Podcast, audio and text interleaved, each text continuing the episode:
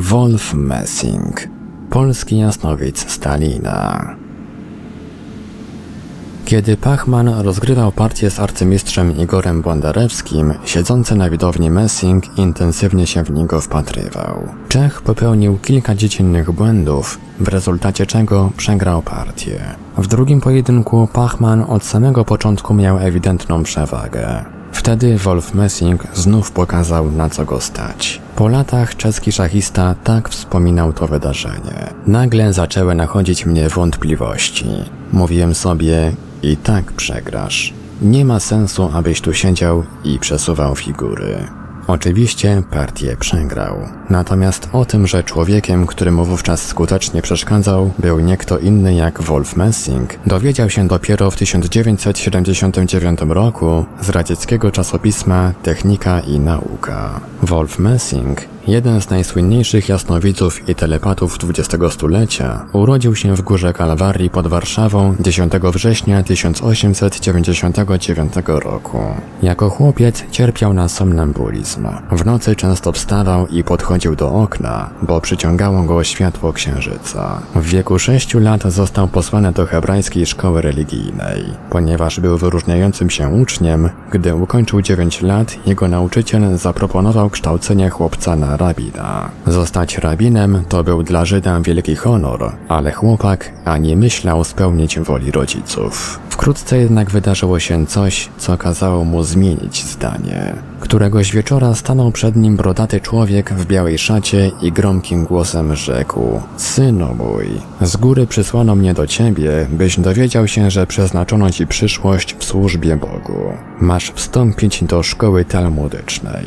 Przerażony chłopiec zemdlał i już nie upierał się przy swoim zdaniu. Do szkoły talmudycznej ostatecznie więc poszedł, choć długo nie zagrzał w niej miejsca. Któregoś dnia przypadkowo potrącił na ulicy człowieka, którego twarz wydała mu się znajoma. Ależ tak, był to ów brodaty posłaniec z nieba. Zagadnięty wyznał, że do rzeczonej roli zatrudnił go ojciec Wolfa. W teatrze wyjaśnił mało płacą, więc od czasu do czasu musi sobie dorobić na boku. To oszustwo dotknęło jedenastolatka do żywego i po wspomnianym spotkaniu zerwał związki z religią. Przez długi czas nie odezwał się też do rodziców. Postanowił uciec, i z kilkoma groszami przy duszy wsiadł do pociągu jadącego do Berlina. Tam wydarzyła się rzecz niebywała. Zamiast biletu, którego nie miał, pokazał konduktorowi kawałek pogniecionego papieru. Wpatrzył się przy tym w twarz kontrolera i zahipnotyzował go. Poskutkowało. Mężczyzna, jak gdyby nigdy nic, skasował bilet i życzył mu miłej podróży. W Berlinie przez kilka miesięcy za mizerną opłatą służył Messing jako goniec w kilku sklepikach. Stale nie dojadał i pewnego dnia zemdlał na ulicy z głodu. Wtedy zaniesiono go do szpitala, a stamtąd do kostnicy, ponieważ nie dawał żadnych oznak życia. Na szczęście pewien student zauważył, że chłopak żyje i sprowadził znanego neuropatologa, profesora Abla. Ten nie tylko uratował życie Wolfowi, ale też odkrył u niego zdolność wchodzenia w stan katalepsji, praktycznie na zawołanie. Wkrótce Messing rozpoczął występy w berlińskim Muzeum Osobliwości, gdzie przez trzy lata, każdego tygodnia, na życzenie gości demonstrował katalepsję. Później podjął pracę w cyrku, prezentując tam znacznie bardziej urozmaicone pokazy. Niewrażliwość na ból, na przykład przekuwano mu szyję szpilką oraz poszukiwanie zgubionych przedmiotów. Szczególnie dużą popularnością cieszył się show z jego udziałem, polegający na odczytywaniu myśli. Messing prawie nigdy się nie mylił i szybko stał się ulubieńcem publiczności. Zarabiał nawet 5 marek dziennie, co stanowiło olbrzymią sumę dla kogoś, kto pochodził z ubogiej rodziny. Darem telepatii, jaki był w stanie prezentować praktycznie na zawołanie, zainteresowali się naukowcy, m.in. Albert Einstein, który w tym czasie mieszkał w Zurychu i Zygmunt Freud. W roku 1917 Messing został zaproszony do słynnego gabinetu Freuda na Bergasy 19 w Wiedniu. Umówiono się, że Wolf wykona polecenie Freuda, które ten wypowie w myślach.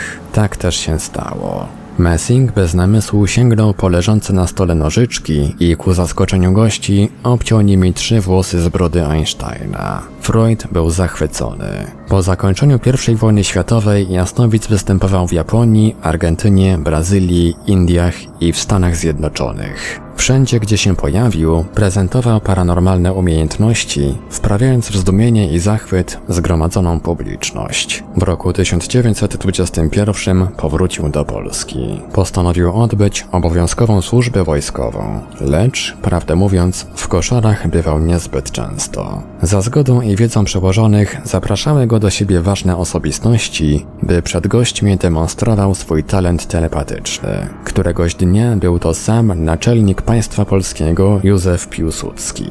Po zakończeniu służby Messing powrócił do życia estradowego. W tym okresie jego popisowym numerem stało się prowadzenie samochodu z oczami przesłoniętymi opaską, dokładnie według wskazówek siedzącego obok pasażera. Wskazówek, dodajmy, wypowiadanych bez słów, jedynie w myślach. Wkrótce Messing stał się częstym gościem warszawskich salonów. Jego popularność sięgnęła szczytu, gdy w czasie krótkiego seansu zlokalizował klejnoty rodowe czartoryskich, warte 800 tysięcy franków, które wcześniej ktoś ukradł i schował. W jednej chwili zrobił to, czego policja nie była w stanie dokonać podczas wielu miesięcy śledztwa. Gazety, głównie dzienniki, okrzyknęły Messinga cudotwórcą i geniuszem. W roku 1937 w przepełnionym warszawskim teatrze Wolf powiedział coś, co potem zważyło na całym jego życiu. Stwierdził publicznie, że Hitler złamie sobie kark, gdy zwróci się na wschód. Do Berlina przybędą bowiem sowieckie czołgi i nastanie koniec brunatnego kanclerza, który jest zbyt pewny siebie. Ta wypowiedź, potraktowana jak proroctwo, została zacytowana w większości polskich gazet. Ponieważ zjawiska paranormalne nie pasowały do idei wiodącej stalinowskiego ZSRR, występy Messinga przedstawiono zazwyczaj jako pokaz sztuki kuglarskiej. W dekadach poststalinowskich podejście do zjawisk paranormalnych w Związku Radzieckim zmieniło się, czego dowodem były m.in. eksperymenty z udziałem ekstrasensów, takich jak Nina Kułagina czy Roza Kuleszowa. Gdy dwa lata później, 1 września, Niemcy przekroczyli polską granicę, mało kto pamiętał tę niewiarygodnie wówczas brzmiącą przepowiednię. Nie zapomniał jej jednak Adolf Hitler. Za głowę Messinga została wyznaczona nagroda w wysokości 200 tysięcy marek. Wytropiony i aresztowany przez gestapo Wolf zdołał wyrwać się z rąk okupanta. Zahipnotyzowani niemieccy strażnicy otworzyli zakratowane drzwi aresztu i wypuścili więźnia, mimo że groziła im za to kulka w łeb. Takiego szczęścia nie mieli ojciec i brat Messinga. Obaj zmarli w obozie koncentracyjnym w Majdanku. Uciekając przed nazistami, Messing dociera do Moskwy. Wynajmuje tam nędzne mieszkanko, a na życie zarabia występami w nocnych klubach. Jako podejrzany element wielokrotnie jest zatrzymywany przez KGB. Pewien pułkownik informuje Messinga, że jasnowidze w ZSRR nie są mile widziani, ponieważ nie istnieje coś takiego jak jasnowidzenie. Pewnego dnia w Homlu na Białorusi, gdy pokaz telepatycznych zdolności Messinga trwa w najlepsze, na scenę wchodzą dwaj milicjanci. Bardzo nam przykro, mówią do widzów, ale przedstawienie jest skończone. Razem z telepatą wsiadają do samochodu, a potem odjeżdżają w niestanym kierunku. Nawet po latach Messing nie wiedział, dokąd właściwie go zawieziono. Zaprowadzono mnie, wspominał później, do pokoju, który, jak mi się zdawało, znajdował się w hotelu.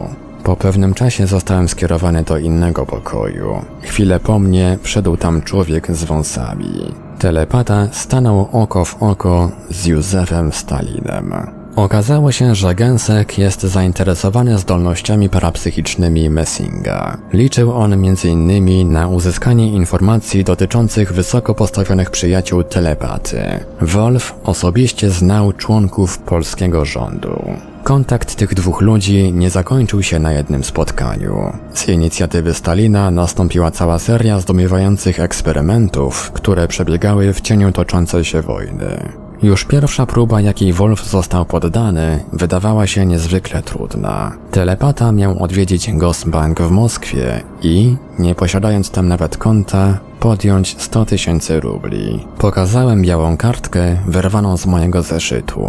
Opowiadał wiele lat później. Ten kawałek papieru miał wyobrażać czek. Potem rozkazał kasjerowi wydać olbrzymią kwotę i przed okienkiem kasowym położył aktówkę. Wszystko to odbywało się bez słów. Kasjer otworzył safe, odliczył 100 tysięcy rubli i upchnął pieniądze w torbie. Messing, przez nikogo nie niepokojony, opuścił bank. Gdy wyznaczeni przez Stalina funkcjonariusze stwierdzili, że wszystko poszło zgodnie z planem, Messing ponownie stanął przed bankowym okienkiem. Kiedy zaczął wyciągać paczki banknotów, kasjer wlepił w niego przerażony wzrok. Patrzył to na niego, to na pieniądze, to na skrawek białego papieru i w końcu runął na ziemię. Na szczęście zawał serca, którego doznał, nie był śmiertelny. Kolejne zadanie obmyślone przez generalnego sekretarza Komitetu Centralnego Partii Komunistycznej, okazało się jeszcze bardziej niezwykłe. Stalin powiedział, że nie wydaje mu się, aby ktokolwiek zdołał go oszukać i że nie wyjdę z Kremla bez podpisanej przez niego przepustki. Zadzwonił do strażników i poinformował ich, że nie wolno mnie wypuścić. Kazał też swojemu osobistemu sekretarzowi iść 10 kroków za mną. Wprowadziłem się w stan najgłębszego transu, jaki pamiętam. Kilka minut później wyszedłem na ulicę przed nosem strażnika, który stał na baczność, wpatrując się w okno gabinetu Stalina. Może powinienem przesłać mu całusa, pomyślałem szyderczo. Stalin często potem zapraszał Messinga do swych prywatnych apartamentów na Kremlu. Niektóre źródła utrzymują, że to właśnie Wolf doradził przywódcy ZSRR wybór Stalingradu jako głównego punktu oporu przeciwko Niemcom. W tym czasie od najbardziej wpływowych osobistości życia politycznego Messing otrzymał pozwolenie na swobodne poruszanie się po całym terytorium ZSRR. Udzielono mu też oficjalnej zgody na publiczne prezentowanie zdolności telepatycznych. Polski jasnowic uciekł Niemcom w listopadzie 1939 roku, ukryty w furmance wyładowanej sianem. Trzy lata później, już jako obywatel rosyjski, dysponował na tyle pokaźnym majątkiem, że zakupił i podarował radzieckiemu lotnictwu dwa samoloty myśliwskie. Pisemne podziękowanie za ten dar solidarności Messing oprawił w ramki i powiesił na ścianie w swoim mieszkaniu. W roku 1948 Jasnowic o mało nie stracił życia. Ochronił go paranormalny dar. Odwiedzając miejscowość Ashgabat, doznał przeczucia, że zbliża się jakaś straszna katastrofa. Jak wspomina, nie zwlekał długo i mimo iż pierwotnie miał inne plany, opuścił zagrożony teren. Trzy dni później Ashgabat nawiedziło potężne trzęsienie ziemi, w wyniku którego zginęło 50 tysięcy osób. Trudno powiedzieć, czy Stalin wykorzystywał Messinga w celach bardziej praktycznych, na przykład w swoich rozgrywkach politycznych. Z poufnych raportów wiadomo jednak, że Wolf pracował jako najbardziej tajna broń Ojca Narodów. Wolf Messing interesował się ludźmi, którzy posiadali takie same zdolności jak on. Zwalczał jednak mistyfikatorów, którzy demonstrowali na scenie różne paranormalne fenomeny, używając w tym celu sztuczek. Uważał, że tacy hochsztaplerzy podkopują poważne studie nad zjawiskami, które istnieją, jednak póki co nie są dość dobrze zbadane. Pod koniec życia, wierny powołaniu scenicznego iluzjonisty, Messing znów zaczął występować w małych rosyjskich miasteczkach. Uwielbiał wprawiać w osłupienie prostych ludzi i czytać w ich myślach jak w otwartej księdze. Na początku 1970 roku zaczął podopadać na zdrowiu i wreszcie 8 listopada 1974 roku zmarł na atak serca. Kiedy wieziono jego ciało, ruch na jednej z centralnych ulic Moskwy został całkowicie wstrzymany. Pochowano go z honorami należnymi najbardziej zasłużonym osobom w państwie. Obecnie próżno szukalibyśmy wyczerpujących informacji o Messingu w Rosji. Wiarygodnych materiałów o nim jest de facto niewiele. Co prawda, pod koniec lat 80. ubiegłego wieku ukazała się w USA biografia telepaty pióra Tatiany Lungin zatytułowana Wolf Messing – The True Story of Russia's Greatest Psychic, ale to odosobniony przypadek, potwierdzający regułę. Co ciekawe, Lungin była bliską znajomą Messinga, której ten przepowiedział emigrację do USA. Wiele związanych z telepatą wydarzeń nadal pozostaje zakrytych i utajnionych. Z tego, co można wywnioskować z nielicznych źródeł historycznych, Messing umiał wyłączyć własne odczuwanie bólu.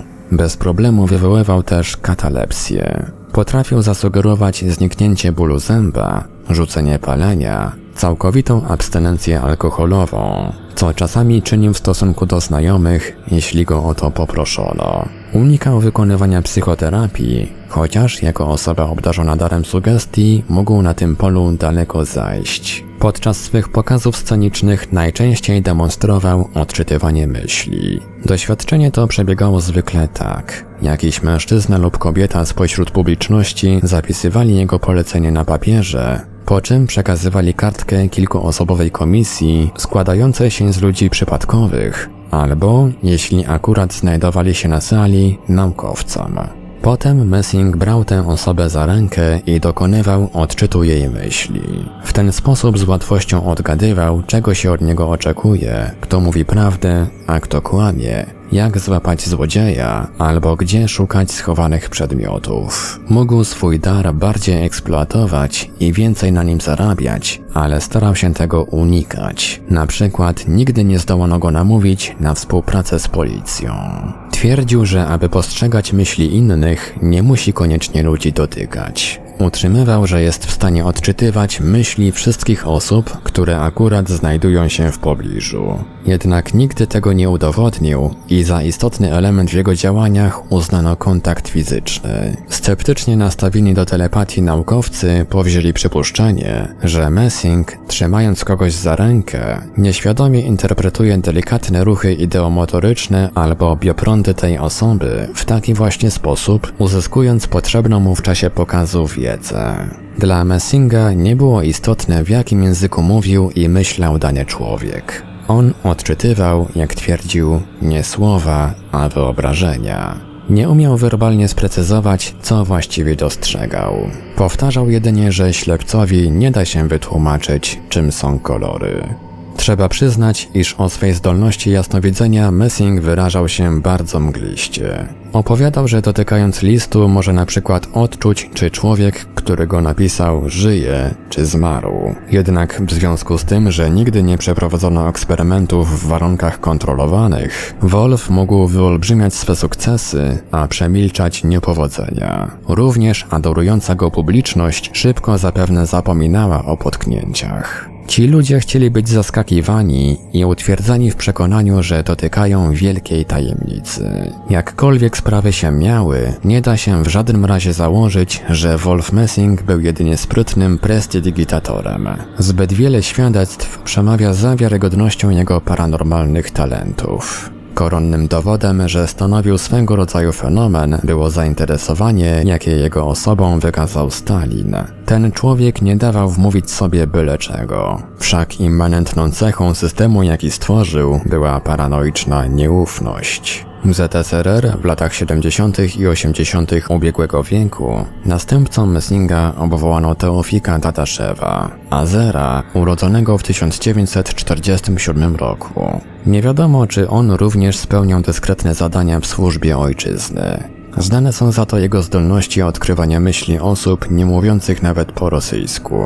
Dadaszew potrafił czytać myśli dowolnie wskazanego człowieka i robił to bezbłędnie. Przekazy myślowe odbierał w promieniu 50 metrów. Zasłynął eksperymentem, w czasie którego w bibliotece zawierającej 12 tysięcy woluminów miał odszukać jedną wskazaną myślowo książkę. Powinien otworzyć ją na 371 stronie i odczytać dwa słowa wydrukowane w siódmej linijce od dołu. Zrobił to błyskawicznie. W latach 80. ubiegłego wieku Amerykanie definitywnie otrzymali potwierdzenie czegoś, czego jedynie się domyślali, a mianowicie, że wywiad rosyjski w działaniach szpiegowskich od dawna wykorzystuje osoby obdarzone uzdolnieniami parapsychicznymi. Podobno na życzenie CIA sporządzono listę takich psi szpiegów. Czy znalazły się na niej nazwiska Messinga i Dadaszewa? Tego możemy się jedynie domyślać. Autor Wojciech Chudziński Opublikowano za zgodą autora na łamach portalu infra.org.pl. Czytał Ivelios.